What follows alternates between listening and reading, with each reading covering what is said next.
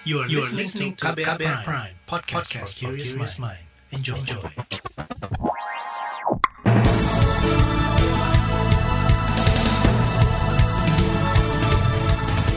Saudara, inilah buletin pagi KBR edisi 8 April 2021. Saya Reski Mesanto, siap menemani Anda selama 30 menit ke depan. Dan pagi hari ini, sejumlah informasi telah disiapkan tim redaksi KBR untuk Anda. Di antaranya, pemerintah didesak membenahi sistem mitigasi bencana. Meski dilarang, diperkirakan 27 juta orang bakal nekat mudik pada lebaran mendatang. Dan puluhan siswa reaktif saat simulasi pembelajaran tatap muka di Jawa Tengah. Dan inilah Buletin Pagi selengkapnya. Terbaru di Buletin Pagi. Saudara, pemerintah diminta membenahi sistem mitigasi bencana di Indonesia. Ketua Umum Masyarakat Penanggulangan Bencana Indonesia atau MPBI Dandi Prasetya menilai, mitigasi kebencanaan di Indonesia masih buruk. Hal ini terlihat dari kasus bencana banjir dan longsor di Nusa Tenggara Timur beberapa hari lalu yang menyebabkan lebih dari 100 korban jiwa. MPBI juga menyayangkan pemerintah yang seolah tak belajar dari pengalaman bencana di masa lalu yang banyak memakan korban jiwa. Sepertinya penanganan-penanganan bencana di Indonesia itu kayak tidak ada perubahan gitu. Jadi kita ke Indonesia itu kan sudah sebenarnya banyak yang belajar ya dari mulai Aceh. Tapi kok sekarang itu eh, paradigmanya itu masih aja gitu loh. Nunggu hujan dulu baru cari payung. Ketua Umum Masyarakat Penanggulangan Bencana Indonesia atau MPBI Dandi Prasetya mengatakan, bila sistem mitigasi bencana berjalan baik, maka dampak bencana di NTT bisa diminimalkan. Apalagi sebelumnya, otoritas pemantau cuaca BMKG sudah memberi peringatan dini sebelumnya terkait badai siklon tropis Roja. Sementara itu, Saudara, Badan Nasional Penanggulangan Bencana atau BNPB meminta pemerintah di daerah menjadikan bencana alam di NTT sebagai pembelajaran. Kepala BNPB Doni Monardo mengingatkan agar pejabat daerah mengikuti informasi dari BMKG untuk mengantisipasi bencana di wilayah masing-masing. Kami juga mengajak dan mengimbau kepada semua uh, pejabat dan juga pada semua pihak untuk bisa mengikuti informasi yang disampaikan oleh BMKG. Jadi hal-hal teknis ini harus sering diingatkan. Biasanya kalau seandainya satu kali, dua kali mungkin sering lupa. Tetapi kalau sering disampaikan secara terus-menerus dan berulang kali, ini akan menjadi budaya. Apalagi tadi Ibu Kepala sudah mengingatkan kita semua, peristiwa seperti ini kemungkinan bisa terjadi pada periode tahun-tahun yang akan datang. Bukan hanya di NTT, tetapi di banyak wilayah Indonesia lainnya. Itu tadi Kepala Badan Nasional Penanggulangan Bencana atau BNPB Doni Monardo. Sementara itu Kepala BMKG Dwi Korita Karnawati menyatakan, BMKG akan terus berkoordinasi dengan para kepala daerah untuk mengantisipasi bencana alam yang datang akibat cuaca ekstrim sehingga meminimalkan korban jiwa. Dan hingga Rabu malam kemarin, BNPB mencatat korban jiwa akibat banjir bandang dan longsor di NTT mencapai 138 jiwa dan 61 orang masih hilang. Bencana juga menyebabkan seratusan orang luka dan 13.000 orang mengungsi. Saudara, pemerintah Provinsi Nusa Tenggara Timur mengakui keterbatasan fasilitas dalam menangani bencana banjir bandang dan tanah longsor di provinsi itu. Gubernur NTT Victor Laiskodat mengakui cuaca juga menjadi kendala penanganan banjir bandang dan longsor di NTT. Victor meminta agar pemerintah pusat membantu menyiapkan fasilitas mitigasi karena bencana bisa saja terulang. Kami mengharapkan yang pertama bahwa khusus di pulau-pulau yang ada di Nusa Tenggara Timur yang penduduknya itu banyak, kami mengharapkan ada disediakan alat-alat berat dua atau tiga eksavator dan doser untuk bila ada kondisi begini tidak terlalu menyulitkan. Yang kedua, kami mengharapkan ada rumah sakit apung yang cukup untuk ada kondisi begini dapat bergerak secara cepat sehingga dapat menolong masyarakat di pulau-pulau yang akan terkena bencana. Itu pengamatan kami saat ini yang menurut kami sangat dibutuhkan emergensi untuk hal seperti ini. Gubernur Nusa Tenggara Timur Victor Bung Tilu Laiskodat juga mengusulkan agar pemerintah pusat menyiagakan helikopter di tiap ibu kota provinsi untuk mengantisipasi datangnya bencana. Jika ada kejadian bencana, helikopter bisa segera digunakan untuk penanganan dan evakuasi dengan cepat. Saudara, sejumlah daerah di Jawa Timur mengklaim serius menindaklanjuti peringatan dini dari BMKG untuk menjalankan mitigasi bencana atau untuk mengurangi dampak akibat bencana. Kepala Bidang Kedaruratan Badan Penanggulangan Bencana Daerah atau BPBD Jawa Timur, Satrio Nurseno menyatakan, setiap ada peringatan dini dari BMKG selalu disebar ke pemerintah kabupaten kota. Kemudian pada saat tertentu kabupaten kota melaporkan dari dampaknya apakah analisa dari BPK terjadi di kabupaten kota. Jika terjadi, saya ada bencana, kabupaten kota akan melapor ke Pusdalaw Provinsi Jawa Timur. Nah, nanti kita lihat saran dampak bencananya, ada korban atau enggak, luasannya atau seperti apa. Kepala Bidang Kedaruratan BPBD Jawa Timur Satrio Nurseno menambahkan, BMKG juga menjadi acuan dalam melakukan penanganan jika terjadi bencana. Misalnya, skenario penanggulangan bencana, operasi SAR atau evakuasi selalu berpegangan pada analisa cuaca dari BMKG. Sementara itu, saudara, komisi di DPR yang membidangi kebencanaan meminta pemerintah pusat dan daerah membangun upaya mitigasi bencana secara sistematis. Anggota DPR yang membidangi kebencanaan, Maman Imanul Haq menyebut, pengetahuan dan upaya mitigasi bencana di NTT kurang maksimal ini terlihat dari gagapnya pemerintah daerah menyikapi peringatan BMKG mengenai badai siklon Seroja. Tapi ketiga, kita ingin mengatakan bahwa bencana itu tidak hanya disikapi secara reaktif, tetapi harus proaktif. Bencana itu tidak hanya ditanggapi setelah kejadian, tetapi perlu dilakukan upaya secara sistematis untuk melakukan mitigasi eh, bencana agar bencana itu bisa diminimalisir. Anggota Komisi DPR bidang kebencanaan Maman Imanul Haq berharap agar pemerintah belajar dari bencana di NTT agar jika daerah mengalami bencana serupa bisa meminimalkan korban jiwa. Saudara, Presiden minta organisasi keagamaan di Indonesia menolak kekerasan. Informasi selengkapnya sesaat lagi, tetaplah di Buletin Pagi, KBR. You're listening to KBR Pride, podcast for curious mind. Enjoy!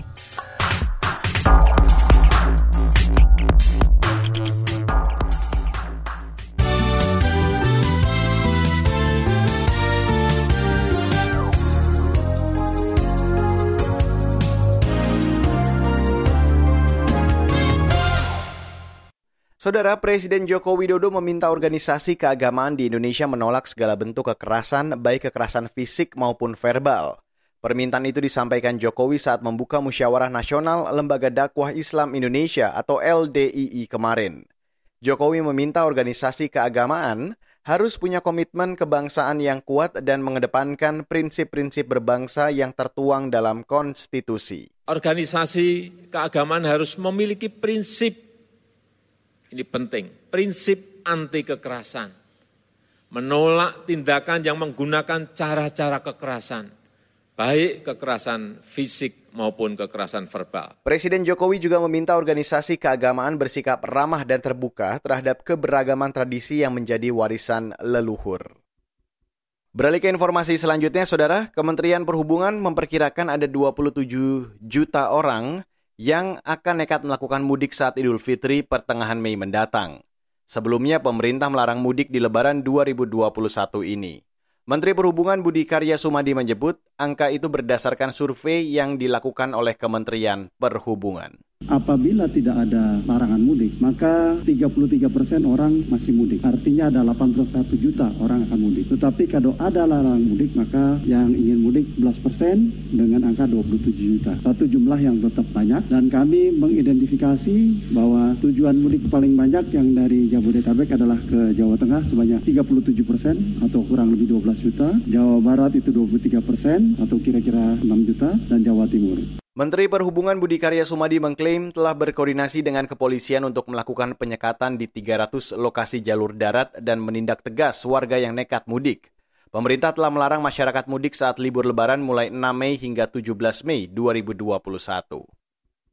Masih terkait Idul Fitri, saudara pemerintah mengingatkan para pengusaha agar membayarkan tunjangan hari raya atau THR kepada karyawan menjelang Idul Fitri secara tepat waktu.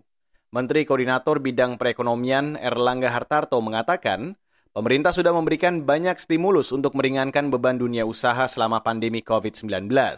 Kata dia, pemberian THR akan meningkatkan konsumsi masyarakat yang bisa menjadi penggerak roda perekonomian Indonesia. Dan oleh karena itu, yang terkait dengan demand side itu perlu dilanjutkan. Oleh, itu, oleh karena itu, tadi dalam rapat disampaikan bahwa Salah satu untuk mendorong konsumsi menjelang lebaran adalah pemberian THR kepada karyawan. Nah ini tadi uh, disampaikan bahwa uh, sudah waktunya pihak uh, swasta untuk memberikan THR karena berbagai kegiatan sudah diberikan. Menteri Perekonomian Erlangga Hartarto memperkirakan akan ada tambahan uang yang bisa beredar ke pasar sebesar 215 triliun rupiah dengan pembayaran THR ini. Ia juga menyampaikan permintaan Presiden Joko Widodo agar momentum pertumbuhan ekonomi terus dijaga seiring dengan penanganan COVID-19. Kita beralih ke informasi hukum, Saudara. Lembaga Amnesty International Indonesia mencatat sepanjang 2020 lalu, ada hampir 90 kasus serangan terhadap aktivis pembela hak asasi manusia. Dari puluhan kasus itu terdapat 240-an orang menjadi korban. Peneliti Amnesty International Ari Pramuditya mengatakan, serangan ke pembela HAM itu dilakukan melalui berbagai cara yang selalu tidak luput menjadi pantauan kami yaitu adalah masih banyaknya peristiwa serangan terhadap uh, para pembela HAM atau human rights defenders baik yang dilakukan secara langsung gitu ya seperti perampasan, penangkapan secara sewenang-wenang, pembubaran aktivitas, kriminalisasi dan lain-lain, pemajakan akun bahkan. Peneliti Lembaga Amnesty International Indonesia Ari Pramuditya menambahkan, kasus paling tinggi menimpa jurnalis dengan 32 kasus dan 60 korban. Ari mengatakan hampir separuh peristiwa serangan ke pembela HAM sejak 2014 melibatkan aparat pemerintah. Amnesty juga berharap bisa melakukan audiensi dengan para pihak tersebut guna memastikan pemenuhan dan perlindungan HAM di Indonesia. Saudara, kepolisian menetapkan Muksin Kamal alias Imam Muda sebagai tersangka. Muksin merupakan penjual senjata angin kepada ZA, pelaku teror di Mabes Polri pekan lalu. Juru bicara Mabes Polri Ahmad Ramadan mengatakan Muksin Kamal dijerat dengan pasal penggunaan senjata secara ilegal. Artinya sudah jadi tersangka, namun masih dalam tersangka yang diterapkan adalah kasus kepemilikan atau penjualan senjata api secara ilegal. Undang-Undang Darurat tahun 51. Juru bicara Mabes Polri Ahmad Ramadan menambahkan, penyidik masih mendalami kemungkinan menjerat Muksin Kamal dengan undang-undang terorisme. Muksin Kamal alias Imam Muda ditangkap Densus 88 anti teror di Banda Aceh 3 April lalu. Ia disangka menjual senjata ergan secara daring ke pelaku teror yang menerobos ke Mabes Polri. Saudara, Komisi Pemberantasan Korupsi atau KPK mengeksekusi putusan Mahkamah Agung dengan memasukkan terpidana korupsi bekas Menteri Pemuda dan Olahraga Imam Nahrawi ke Lembaga Pemasyarakatan Kelas 1A Sukamiskin, Jawa Barat. Juru bicara KPK Ali Fikri menyebut Imam Nahrawi akan menjalani pidana penjara selama tujuh tahun, dikurangi masa selama berada dalam tahanan. Imam dihukum terkait perkara suap pengurusan proposal dana hibah KONI dan gratifikasi dari sejumlah pihak. Selain dihukum penjara, Imam Nahrawi juga wajib membayar denda sejumlah 400 juta rupiah subsidiar 6 bulan penjara. Ia juga diharuskan membayar uang pengganti sejumlah 19 miliar rupiah lebih. Kita beralih ke berita mancanegara, kali ini datang dari Myanmar, di mana militer Myanmar kembali menangani aksi unjuk rasa anti kudeta militer dengan senjata. Mengutip Reuters, sedikitnya 13 orang tewas saat tentara menembaki demonstran pada Rabu kemarin. Militer Myanmar menyebut gerakan pembangkangan sipil anti kudeta telah menghancurkan negara itu. Menurut data dari LSM Pegiat HAM, ada lebih dari 580 orang tewas, termasuk anak-anak, akibat tembakan dari militer dalam serangan aksi sejak kudeta militer 1 Februari lalu. Sementara itu, Indonesia dan Inggris sepakat mendesak militer Myanmar menghentikan segala kekerasan terhadap warga sipil di negara tersebut. Dalam pertemuan bilateral antara Menteri Luar Negeri dua negara, Indonesia meminta komunitas internasional termasuk Inggris mendukung upaya ASEAN membantu menyelesaikan situasi di Myanmar yang belum menunjukkan tanda-tanda mereda. Kita beralih ke berita olahraga, saudara. Pemerintah Jepang membatalkan upacara pembukaan Olimpiade Tokyo 2020 dengan estafet obor. Melonjaknya kasus COVID-19 dan penerapan status darurat medis menjadi alasan pembatalan estafet obor tersebut. Mengutip Reuters, pemerintah Jepang menyatakan sistem medis Jepang tengah menghadapi tekanan besar karena varian baru virus corona yang lebih menular membuat kasus tinggi di kalangan anak muda. Semula, kirap obor Olimpiade akan berlangsung pada 14 April dan melibatkan 10.000 orang pembawa obor melewati 40-an provinsi di Jepang. Liputan khas KBR mengenai keterlibatan perempuan dalam aksi terorisme akan kami hadirkan sesaat lagi. Tetaplah di Buletin Pagi. You're listening to KBR Pride, podcast for curious mind. Enjoy!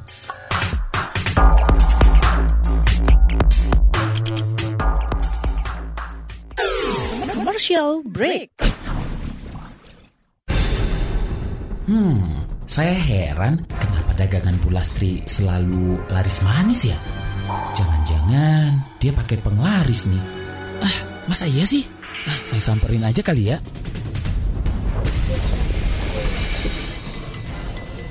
Eh, Pak Bayu, gimana Pak? Udah makan siang belum? Iya Bu Lastri, belum nih. Saya lihat dagangan Bu Lastri laris terus. Bu Lastri pakai penglaris ya? Memang betul Pak, saya pakai penglaris. Wah, Bu Lastri, saya dibagi dong penglarisnya. Boleh dong Pak. Nih Pak Bayu, silahkan dipakai maskernya. Hah? Masker? Betul Pak Bayu, masker ini yang membuat dagangan saya laris manis sekarang. Karena pembeli merasa aman beli kue-kue saya. Selain itu juga melindungi saya terpapar virus. Karena kan kita ketemu banyak orang. Dan saya juga nggak pernah lepas sekalipun selama berjualan. Dicoba deh Pak Bayu. Laris dagangannya, lari virusnya. Pesan layanan masyarakat ini dipersembahkan KBR, inspiratif, terpercaya.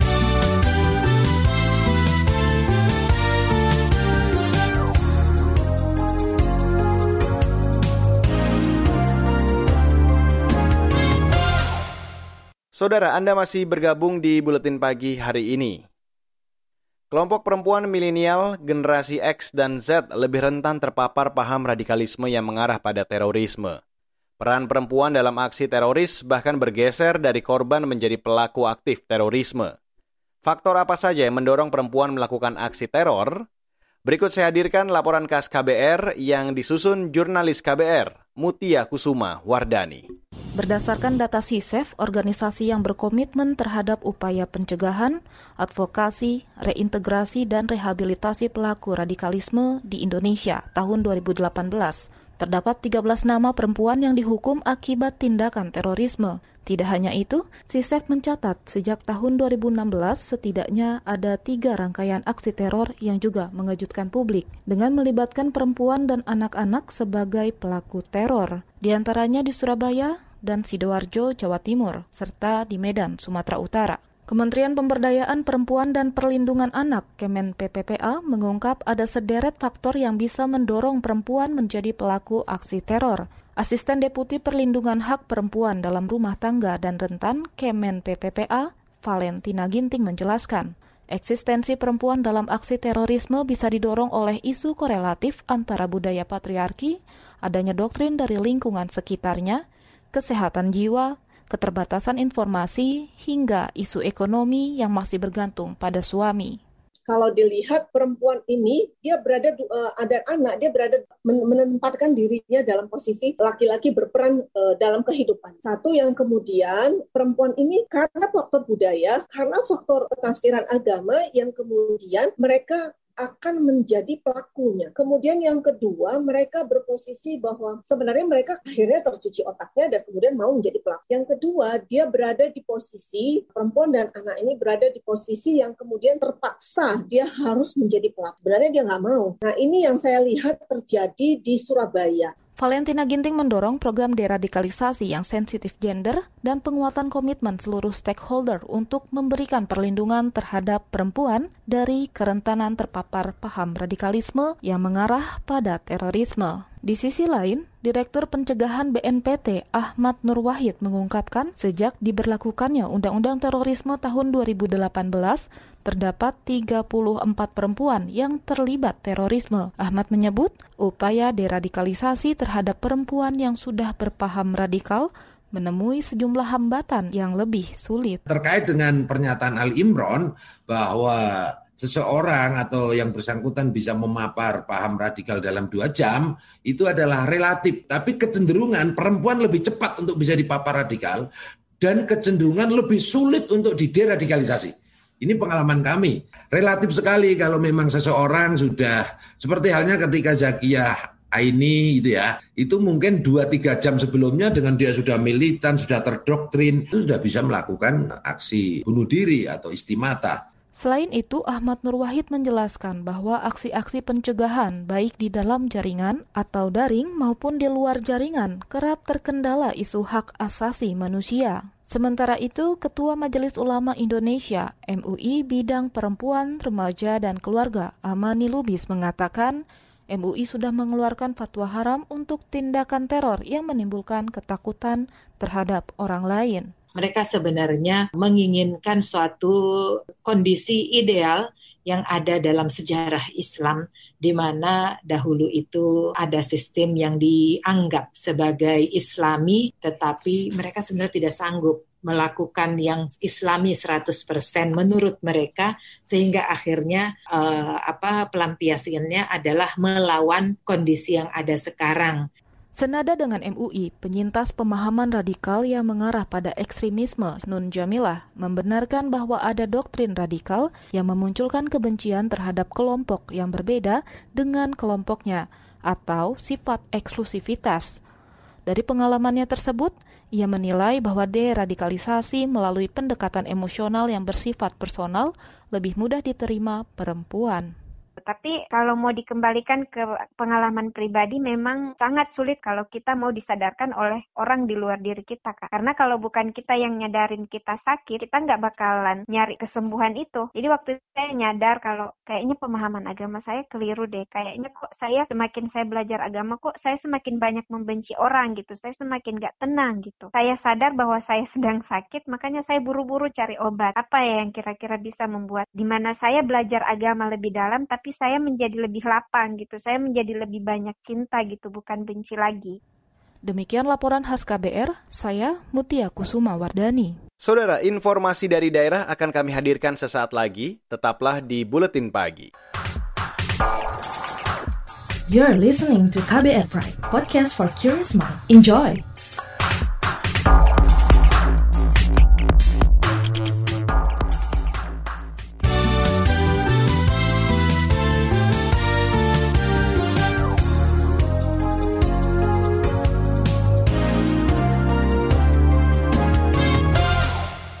Inilah bagian akhir dari buletin pagi KBR hari ini.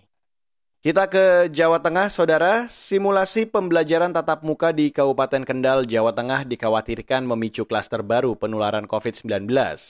Di wilayah ini, sekitar 50 siswa dinyatakan reaktif pasca menjalani tes cepat atau rapid test pada hari pertama simulasi pembelajaran tatap muka Senin lalu.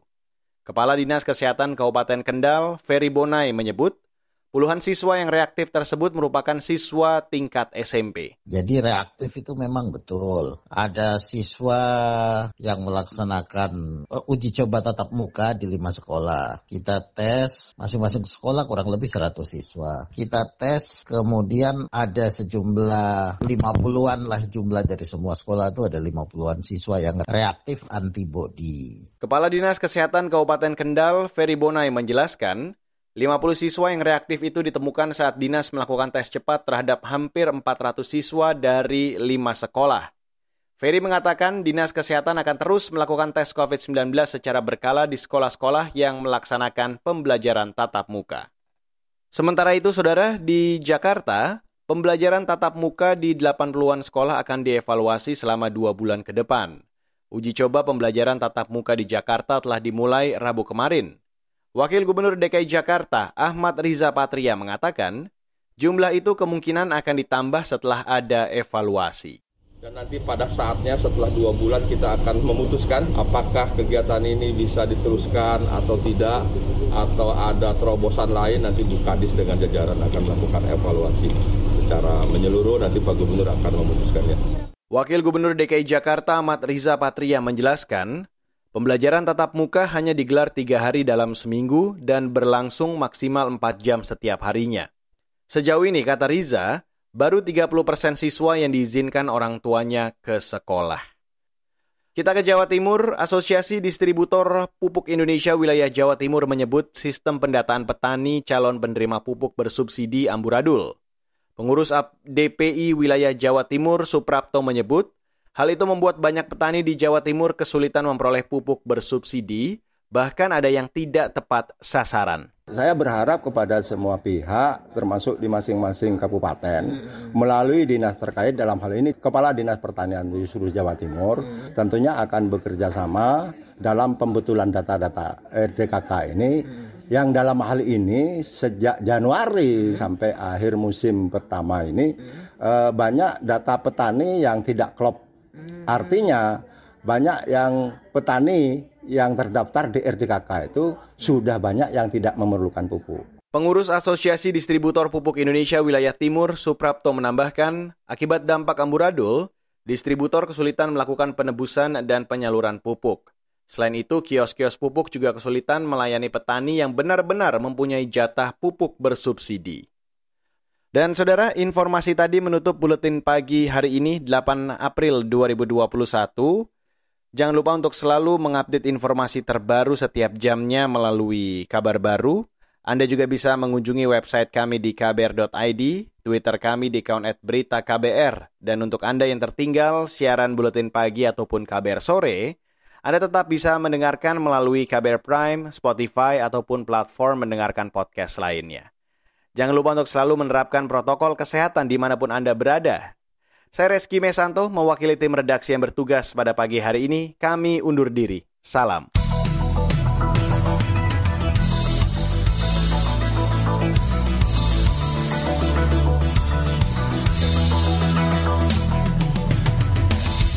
KBR Prime, cara asik mendengar berita.